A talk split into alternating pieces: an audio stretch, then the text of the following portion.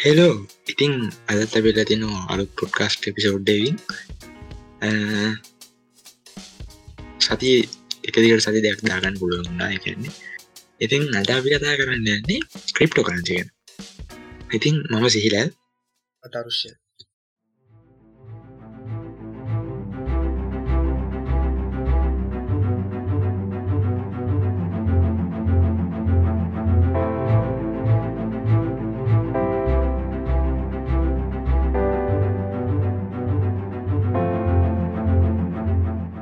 Crypto කරන්සි කියන්නේ මොනවාද? Crypto කරන්සි කියන්නේ ගත්තොත් අපි හර සම ගොඩක් තැන් අපි හල් තින ක්‍රිප්ට කරන්සිය මොකද මේ?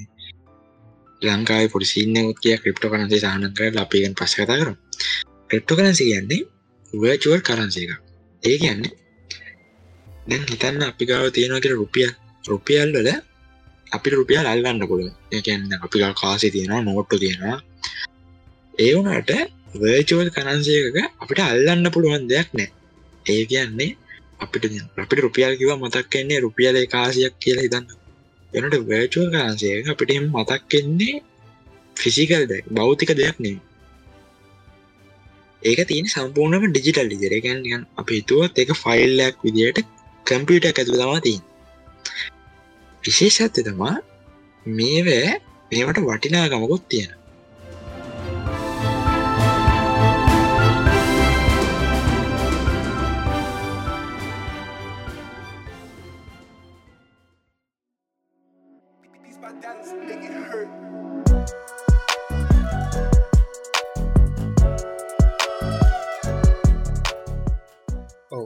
මේක අපි ගත්තොත්තේ මේ පටන් ගත්ත කොහොමද කියලා. මේක පටන් ගත්තේ පිට්කොයින් කෙනෙ මුලින්ම ලෝකටාවේ දෙදස් අටේදී මේක පටන් ගත්තේ එකන්ද මුලින්ම මේක රෙජිස්ට වෙලා තියෙන්නේ දස් අටේදී මේක පටන් අරගෙන තියෙන කෙනා සටොෂි නකමටෝ. තනකොත් මෙයා ගැන හරියට විස්තර අපිට හොයාගන්න බෑ. කීපීඩියගේ තියෙන්නේ කිපීඩියගේ තියෙන්නේ මෙයා ජපන් ජාතිකයක් කියලා. ඒත් ගොඩක් මත දරන්නන් කියන්නේ මෙයාලා කණ්ඩායමක් කියලා. සටසි නකමටෝ ඕකේ දැන් මේ ජපන් ජාතිකය කියනෙක් කෙනා මුලිම පටන් අරගෙනතින් දෙදස් අටේ ඒත් උගල් එක සර්ච්වෙලා තියෙන මුලිම මේ පිට්කොයින් කියන සර්ච්ටර්ම් එක දස් එකොලහෙ මැයි අස කොළහෙ මැයි ඒන්නේ දෙතා සටේ යාවට මේක කරලියට එන්න ටික කාලයක් ගිල්ල දෙන්න මේක මේ පොඩි ආතල් ඇඩත්තමා මේ බිට්කොයින්න එක පිට්කොයින් පාවිච්චි කරලා පිසක කරගත්ත කතාවක් තියෙන අපි එක ඒක තිසරට කතා කරමු. පිසයක්නේ පිස දෙකක් ගත කතාවක්. එක ඩොල බිලියන ගනක පිසයක් දැන්. ඉති මේ නකමොටෝ ගැන කියද්දී මේ නකමොටෝ ගැන කවුද කියලා අතරශ කිව්වගේ තම කවුරුත් දන්නේ කැන මේ නමවත් ඇත්තද කියලා කවුරුත් දන්නේ එතකොට නකමොටෝ කියන්නේ පුද්ගලයෙක්ට කණ්ඩායමක් පුද්ගල සමාරුගෙන පුද්ගලයක සමාගෙන කණ්ඩායමක් කිය ඒ වුණට මොන වනත් නකමොටෝ මේ දේවල් එක්ක මොද බිට්කොයින් මාර්ජර මේ උඩටාව සතෝෂි නකමොටෝ ගයන්නේ කවුරු වනත් එයාගේ වටිනාකමයගේ එයා පෝසත් වෙන එක උනා මේ බික්කොයින් වැඩිවීමත් එක්ක. විකිපීඩියගේ කියනවා මේ සසු නකමොට එදදාස් නම්සේ හැත්ත පහහි කියලා. ඒක එකළු තහවුරු කරගන සහ මෙයා දම ජපන් ජාතික කියල කියලති ඉතින් මේ සත්තුෂ නකමොටෝ පටන් ගන්න බිට්කොයින්. මේ බිට්කොයින් කෙනක තමා ලෝකෙ පලවෙනි ක්‍රිප්ටෝ කරන්සිය ඉතින් ලෝකෙ පලවෙනි ක්‍රිප්ටෝ කරන්සික වගේම සමර ඉතන්න ක්‍රිප්ටෝ කරන්සිකන් බිට්කොයින් කියල. හෙම නිවේ ක්‍රිප්ටෝ කරන්සි කියන්න බිට්කොයින් කියන ක්‍රිප්ටෝ කරන්සි ජාතියක් ඉතින් බිට්කොයින් එකක් කියන්නේ ආරවගේම අපි කතා කරගත්තේ කතාලින් කතා කරපු තියට ඩිජිටල් රෙකෝඩ් එක ඉති මේ මේක දැන් අප මේ එපිසෝඩ රකෝඩ් කන්න දස් විසියක නවවෙනි මාසේ. මේ මාසේ වෙදදී ඕ මේ මාසේ වෙද්දි බිට්කොයින් එකක වටිනාකම රුපියල් කෝටියකට ආසන්නේ රුපියල් කෝටියක්. ගැන්න අපි හරියන් කිව්වත් රුපියල් මිලියන නමයසම හතරක්. ඉතින් එක කොයින්න රුපියල් මිලිය නමයසම හතරක් කියන අපට හිතාගන්න පුළුවන් බිට්කොයින් කියන්නේ පට්ට ලොකු දෙයක් කියලා. ඉතින් ඉතිහාසය පුරාටම ගත්තොත් බිට්කොයින්ල වැඩිම වටිනාකමාවත් මේ අවුරුද්දේ. ඒ ආවේ අපේ අවුරුදු දවස තියෙන්නේ අප්‍රේල් 14 වෙනිදා අප්‍රේල් 15 වෙනිදා තමයි බිට්කොයින් වලට මේ ලෝකේ වැඩිම වටිනාකමක් ආපු දවස. ඒ වටිනාකම වෙන්නේ රුපියල් මිලියන 12.7ක්. ඒ කියන්නේ පළවෙනි වට වතාවට ගොඩක් ලොකුවට හයි එකක් ආවේ ඒ වෙලාවට. ඔව්. 12.7 උගල් එක ගැන Google එක Google එකට අනුව වැඩියෙන් ඇවිලා තියන්නේ සැප්තැම්බර් හය. ගැන මීට දවස්තුනකට කලින් ඩොලස් පනස් දෙදා හැසි පනස් හය සත විස්සා බිට්කොයින් ඒ කවද සැප්තැම්බර් හය ඕ සැප්තැම්බර් හයට කලින් ඇවිල්ල තියෙනවා. අපි මේ මම පාවිච්චි ගන්න Google ඩේට Google ඩේට වල අපිට පේන මේ අප්‍රේල් දාසය අපේල් පහළව දාසය වෙච්චි ඒක ලොකු හයිකකට එල්ල තියෙනවා මේ. මෙතන පෙන්න අපේ මට කලින් වැරදු නම හිතන්න මේ අප්‍රේල් පහළව වෙද්දී රුපියන් මිලියන දොළ හැසම හතක් කියන්නේ රුපියල් කෝටි එකයි ලක්ෂ විශ්සක් විතර. ඒවගේ ගාන කැවිල දෙන ඉතින් මේක වෙන්න ප්‍රධාන හේතුවක් විදිහට ගන්න පුළුවන්. අපේ ඔය ටෙස්ලා සමාගම ස්පේසෙක් සමාගමේ සීෝ e විදිහට වැඩ කරන එලොන් මස්කේ පොඩි කෙලපු පිස්සුවා මේ වැඩේ වුණේ මට පටන් ගත්තේ දෙදා විසියක පිබරවාරි වරදි.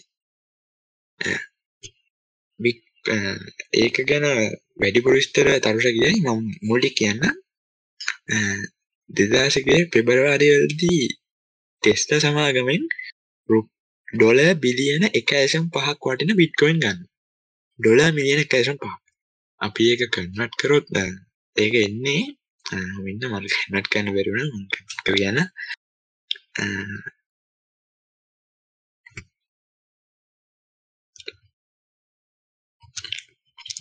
කොහමරි මේ ගත්ත දේ නිසා ගොඩක් අය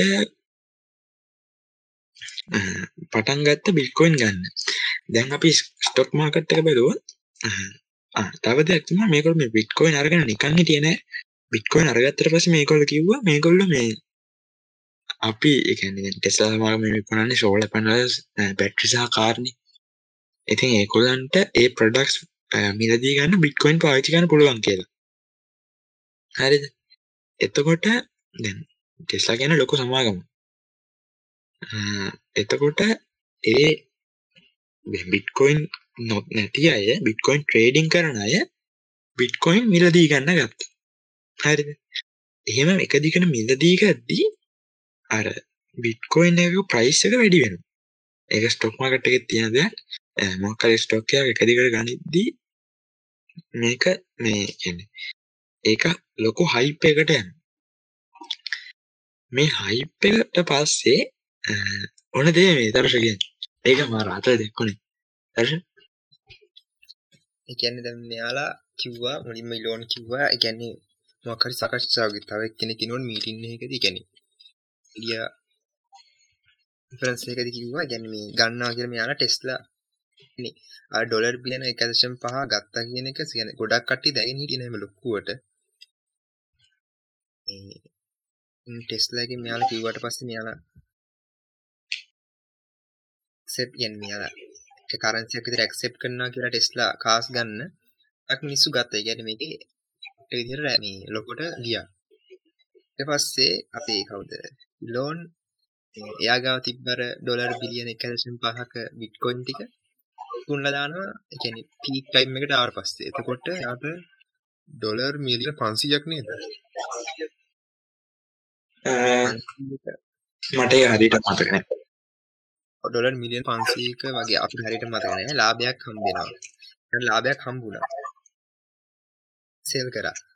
සෙල් කරනත් එක්කම එයා මේ ස්ලයිකෙන් ගන්නවා ගන්න මේ ගැන. ටෙස්ලක නිවස්යක් ටීට එකට ටීටයක් දැම්ම මේ දැන් ඇක්සප් කර නෑ කියලා. ඉන්නේ එක එක්කෝ ෆ්‍රෙන්ඩ් නෑ කියලා. සීකර රීසන්ස් නිසා. එහෙම කියලකිවේ එහෙම උනාට පස්සේ දැන් ඔය නිවස එක ගියේ සාමාන්‍ය මැයිවල මැයිවල මුල. මැයිවල මුල රුපියල් අපි රුපියලින් මේ කියන්න හඳුනාගන්න ලේසි වෙන්න.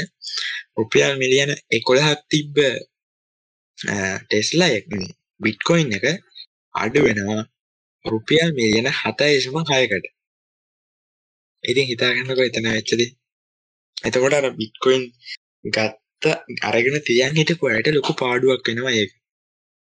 මොකද ඒකොල්ලු එක ගන්න ඔව. ඒක නිසා බික්කොයින් කරනය ඉරන්මස්ක එක පොඩි තරහක් තියෙන මොකද ඉරන්මස් කියන්නේ බිට්කොයික් එලියට ආව. ඉගන්නේ ඒ තරහත් එක්ක ගැන මෙයාම අන හැම ටීට්ටයකින්ම ගොඩක් වෙලාට ඒදවස්සල මේ ක්‍රිප්ට කරන්සි මාගට්ටකට බලපෑමක් ඇතිවුණ එකත් එක්කම ස්ටොප් ඉලෝන් කියලා අලුත් කරන්සියක් එලියටාව ක්‍රිප්ට කරන්සික එකත් ඉගැන් පලවෙනි දවසම ගොඩක් හයිපීක් එකට කිය මේ සිදුවීමට මේක තහවුරු කරගැනීමක් අපි කොහොමත් දන්න? මේ අපේ වෛරල් ගියා මාරදියට ඇනෝනිමස් කියලා තියෙන අපි හැමෝදන්න ඇනනිමස් ටීම්මෙන් මේ හැකින් ටීම් වීඩියෝ කෙරියට දාලා තිබ්බා. එලෝන්ට මේ වැඩ නවත්තන් කිය ඉතින් එලොන් මේ ගැන ටවිට්ටයකුත් දාලා තිබ්බා ඒ ටවිට් එක අප මේක පෙන්න්න තියක් නෑන අපි දැන් මේක අහලෙමු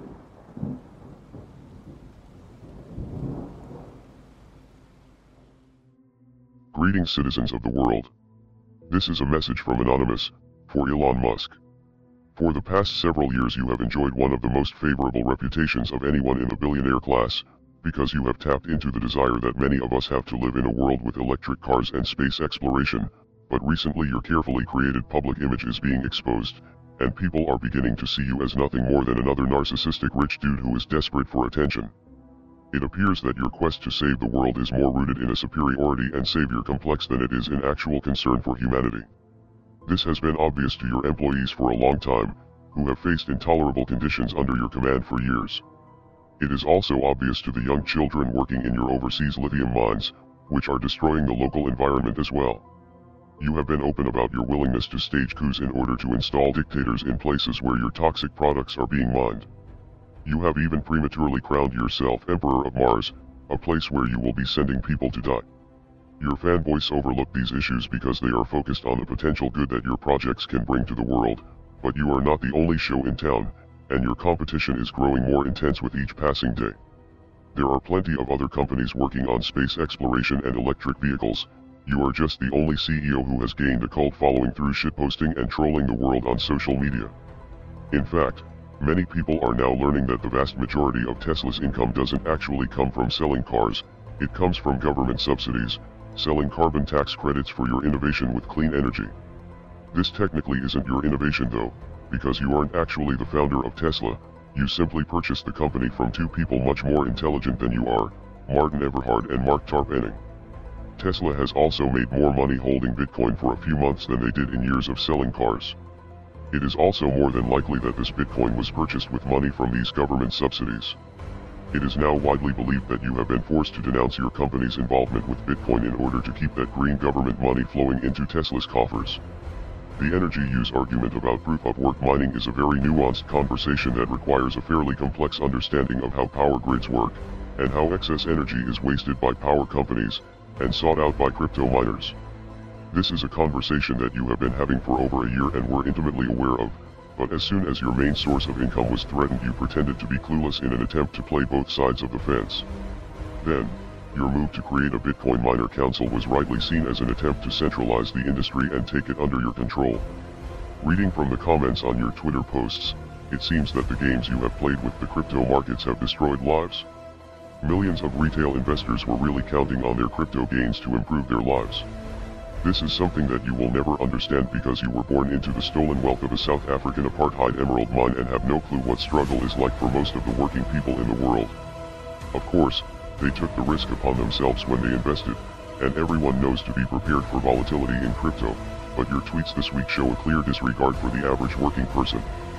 As hardworking people have their dreams liquidated over your public temper tantrums, you continue to mock them with memes from one of your million dollar mansions. You may think you are the smartest person in the room, but now you have met your match. We are anonymous. We are Legion. Expect us.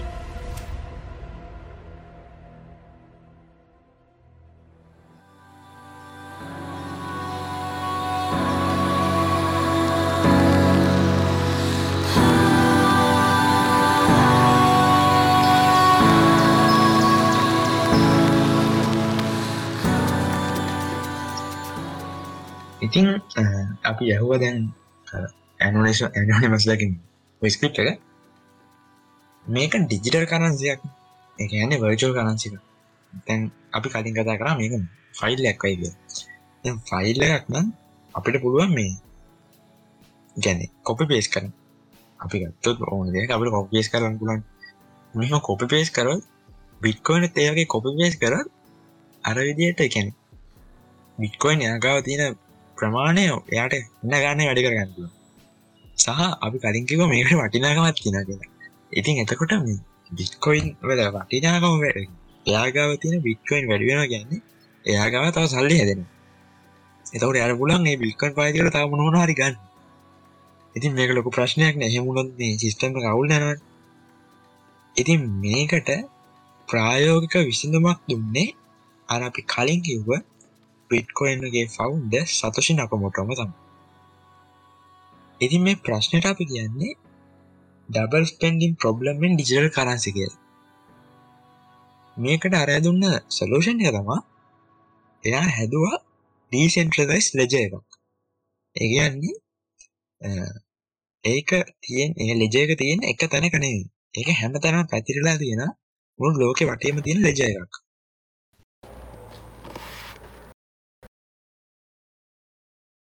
ඉතින් දැන් දැපි ගත්තු ඒ ලෙජය කවුරුවට හැක්කරගේ දන්නවා ඒ හැක්කරත්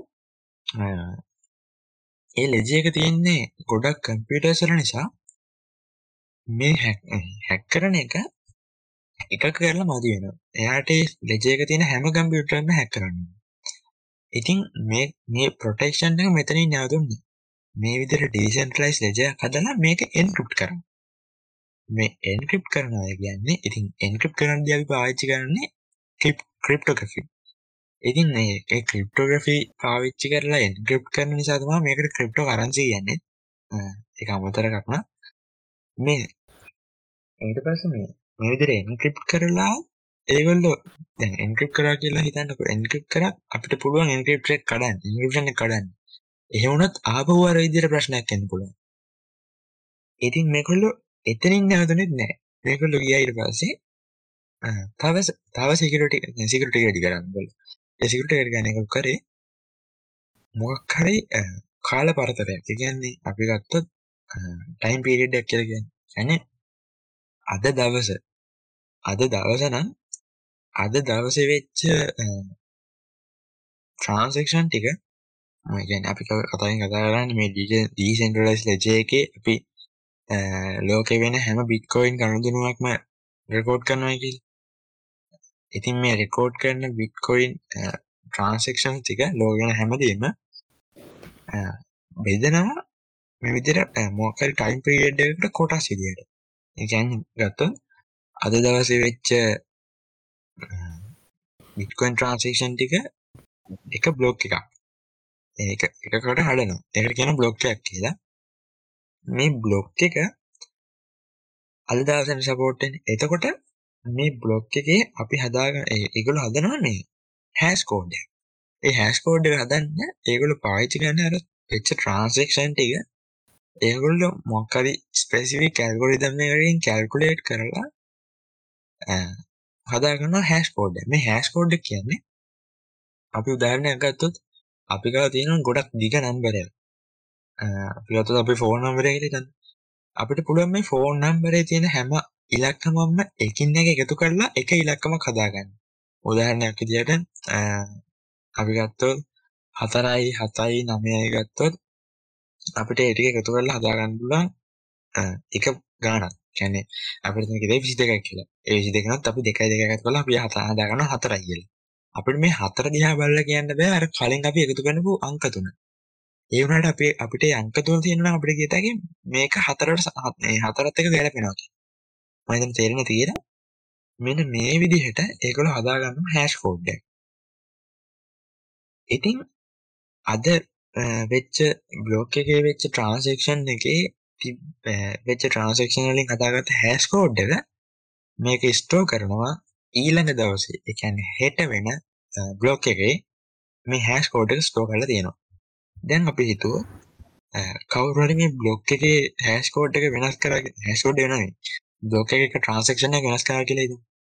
ඒ transaction එක වෙනස් කරොත් මේ hash code එක වෙනස් වෙනවා. මොකද හැෂ් කෝඩ් එක හැදෙන්නේ අර වෙච්ච ට්‍රාන්සැක්ෂන් වලට.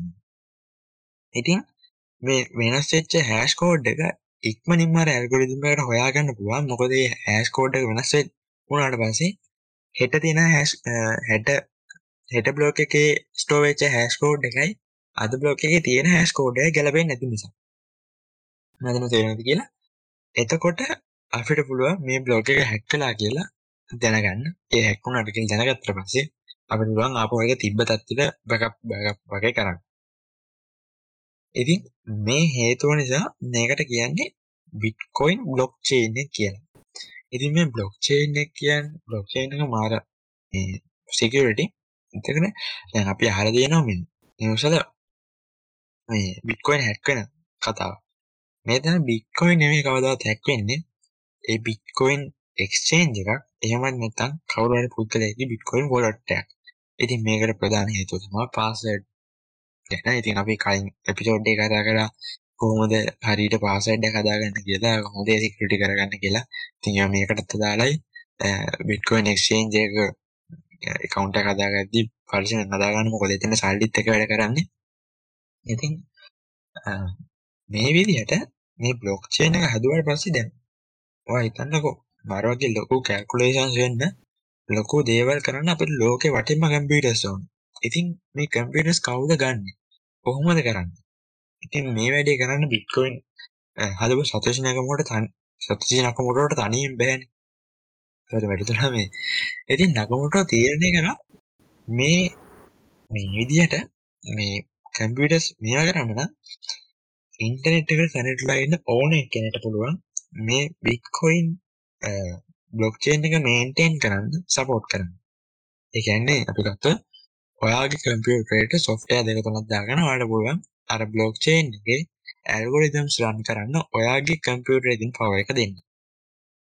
ඉතින් සාමාන්‍ය මිනිස්සුන්ගේ ස්වභාවය තමයි මිනිස්සු කිසි දෙයක් ලාභයක් බලාපොරොත්තු ලාභයක් නැත්තම් කරන්නේ. ඉතින් මේක නිසා මෙහෙම බිට්කොයින් ඇල්ගොරිතම් එක රන් වෙන්න අපේ පවර් එක දෙනවට බිට්කොයින් ඇල්ගොරිතම් එකෙන් අපිට බිට්කොයින් දෙනවා. ඒ කියන්නේ අපේ පවර් එක දෙනවට ඒගොල්ලෝ අපිට ගෙවනවා බිට්කොයින් වලින්. ඉතින් ඒක නිසා තමයි මේ කට්ටියට බිට්කොයින් මයිනර්ස්ලා කියන්නේ. ඉතින් බිට්කොයින් මයිනර්ස්ලා කියන්නේ අපි ආයි සරලවම කිව්වොත් බිට්කොයින් බිට්කොයින් බ්ලොක්චේන් ඇල්ගොරිතම් එක රන් වෙන්න පවර් එක දෙන කට්ටියට. ඉතින් මේ බිට්කොයින් මයිනින් ගැන කතා කරද්දී මේකත් මරු කතාවක්. ඉතින් බිට්කොයින් මයිනින් පටන් ගත්ත මුල් කාලේ. ඒ කියන්නේ මේ කොයින් එක එළියට ඇවිල්ලා මුල් කාලෙම මේ බිට්කොයින් මයිනින් පටන් ගන්නවා. බිට්කොයින් මයිනින් වලදී මේ මුල් කාලේ මේ බ්ලොක්චේන් එක මාර සරලයි. ඒ කියන්නේ ඇල්ගොරිතම් සරලයි. ඒ හැමදේම සරලයි. අපි දන්නවා සාමාන්‍ය සරල දෙයක් නම් ඒකට යන පවර් එක අඩුයි කියලා. ඒ කියන්නේ ප්‍රොසෙසින් පවර් එක අඩුයි. ඉතින් ඒ කාලේදී අපිට පුළුවන් වුණා සාමාන්‍ය කම්පියුටරයක් පාවිච්චි කරලා කන ඉන්ටර්නෙට් එකට කනෙක්ට් වෙලා මේ බිට්කොයින් මයින් කරන්න. ඒ වුණාට එන්න එන්න මේකවල සිකියුරිටි එක වැඩ කරනවත් එක්ක අර ඇල්ගොරිතම් එකේ සංකීර්ණ භාවය වැඩි වෙනවා. මේ සංකීර්ණ භාවය වැඩි වුණාට පස්සේ අනේ බිට්කොයින් එකේ බිට්කොයින් එක මයින් බිට්කොයින් මයින් කරන අයට ඒ ඇල්ගොරිතම් එක මේන්ටේන් කරන්න තව ලොකු පවර් එකක් දෙන්න ඕන. ඉතින් මේ වැඩි නිසා ඒගොල්ලෝ ඒ වෙනම බිට්කොයින් වල GPU CPU පාවිච්චි කරලා වෙනම විදියට තව පවර් එක වැඩි වැඩි කරලා දුන්නා මේ බිට්කොයින් බ්ලොක්චේන් එක මේන්ටේන් කරන බිට්කොයින් මයිනර්ස්. දැන් මෙහෙම යද්දී ගොඩක් අය පටන් ගත්තා මේ මේ විදිහට මයින් කරන්න. දැන් අපි දන්නවා ඉල්ලුමට අනුව සැපයුම මේ තියෙද්දි ඒක සාමාන්‍ය විදිහට තියෙනවා සැපයුම වැඩි වෙලා ඉල්ලුම අඩු වුණොත් ඒ ගාණ බහිනවයි කියලා. ඉතින් මෙතන වෙලා තියෙන්නේ බිට්කොයින් මයිනර්ස්ලා වැඩි වුණා. ඉතින් බිට්කොයින් මයිනර්ස්ලා වැඩි වුණාට පස්සේ ඒ කියන්නේ බිට්කොයින් මයිනර්ස් වලට ලොකු තරංගයක් ඇති වෙනවා. එතකොට බිට්කොයින් මයිනර්ස්ලට හම්බෙන ගාණ පොට පොට අඩු වුණා. මේ හේතුව නිසා බිට්කොයින් මයිනර්ස්ලට ලාභයක් ගන්න නම් ඒගොල්ලන්ට ඕනේ වුණා තව ලොකු පවර් එකක්.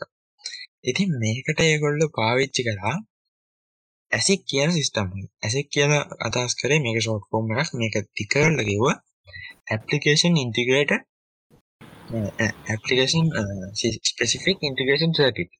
ඒ කියන්නේ යම් මොකක් හරි එක application එකකට විතරක් specify කරපු circuit එකක්.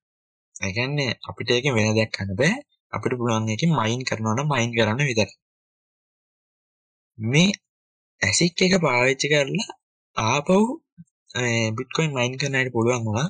ඒගොල්ලන්ගේ අර තිබ්බ CPU සහ GPU ගහලා මේ මයිනින් ප්‍රොසෙස් එක ආපහු අර ලාභ ලබන තත්ත්වයෙන් පවත්වාගෙන යන්න. ටික කාලයක් ගියාට පස්සේ ගොඩක් ගොඩක් මයින් කරන අය මේ විදිහට ඇසික් පාවිච්චි කරන්න ගත්තා. ඉතින් ආපහු අර වැඩේම වුණා. එතකොට උනේත් අර විදිහට සැපෙම වැඩි වුණා ඉල්ලුමට වඩා. එතකොට ඇසික් පාවිච්චි කරපු අයට ලොකු ලාභයක් ගන්න බැරි වුණා. මොකද හැමෝම ඇසික් පාවිච්චි කරනවා දැන්. ඉතින් ඒගොල්ලන්ට සිද්ධ වුණා ඇසික් දෙක තුනක් පාවිච්චි කරන්න. සහ මේ ඇසික් වල ලොකු යන පවර් එක ගත්තොත් මම පවර් එක ගැන තව ටිකකින් කියන්නම් මේ ඇසික් වලට යන පවර් එක ෆ්‍රී හදාගන්න සෝලර් පැනල් පාවිච්චි කරනවා තමයි.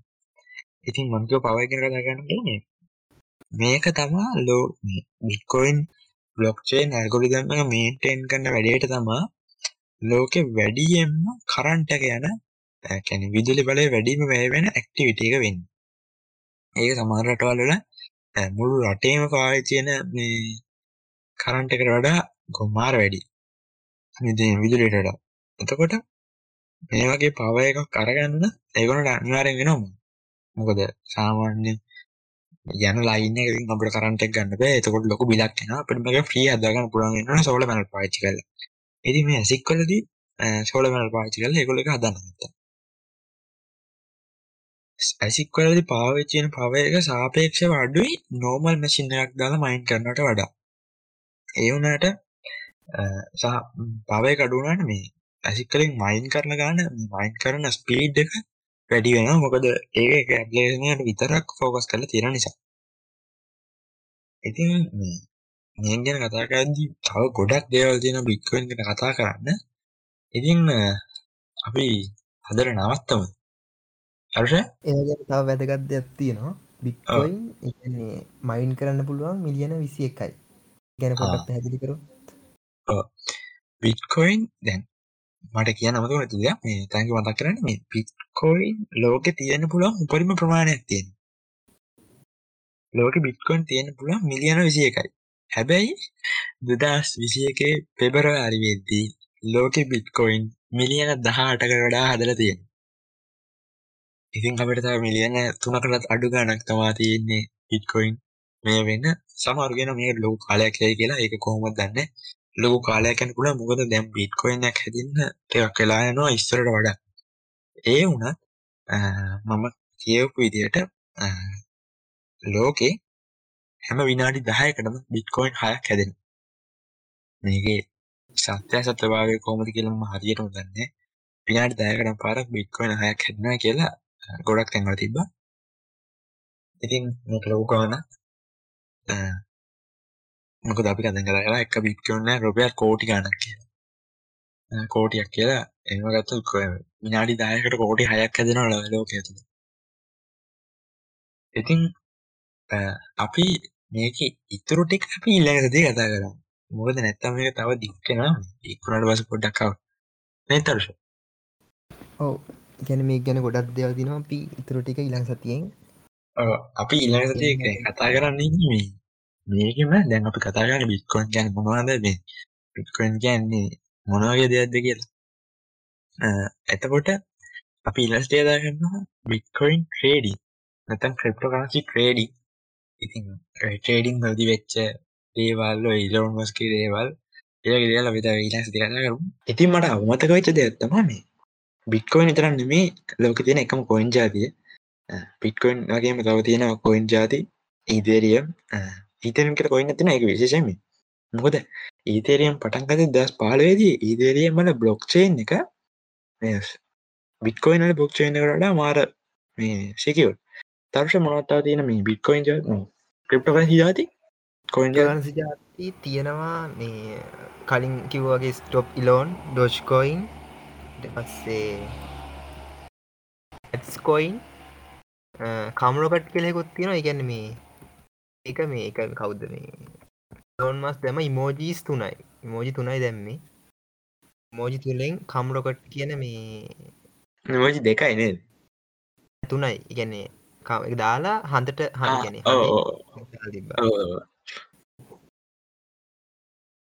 අපි දන්නවර පතුර බින්දු තුනයි රොකට් එකයි රොකට් එකයි. හඳයි. මේ ඉලවමස් කියන්නේ මාර මාර චරිතයක් එයාට පුළුවන් ක්‍රිප්ට මාකට්ක මාරජර කන්ට්‍රෝ කරන්න. එයාගේ ටවිට්ටඩි මේ අපික අපික ඉලාසිචර දාව නැත්තාගේ ආතල්ල ගැන ඉතින් ඊට සතිය තහන්න මොකද ඉනසති අපි කතා කරන්නේ මේ ටෙක්නිකල් දේවල් මේ වෙච්ච රසවත් දේවල්. ඉතින් ගේ මේ සල්ලි හන්න පුළුවන් දේවල් ගැන සල්ලි ගන්නත් පුළුවන් මේ වැඩේ ලදන්න දැන්. අපි තම පොඩියුම් අපිට තම සල්ලියන්න රට දාල්ට වැඩියෙන්න්න අරන පියව ඔක්කොම කතා කරුමේ ඉරස්වේ ඒනම් තරුෂ තැංකවාට ඕ අ මේකට මේක හොයන්න කොට කල් ගියාපිට ඉතින් ඒනම් ඕගලන්ට සුපදවසක් අදර අපි නවතිනවා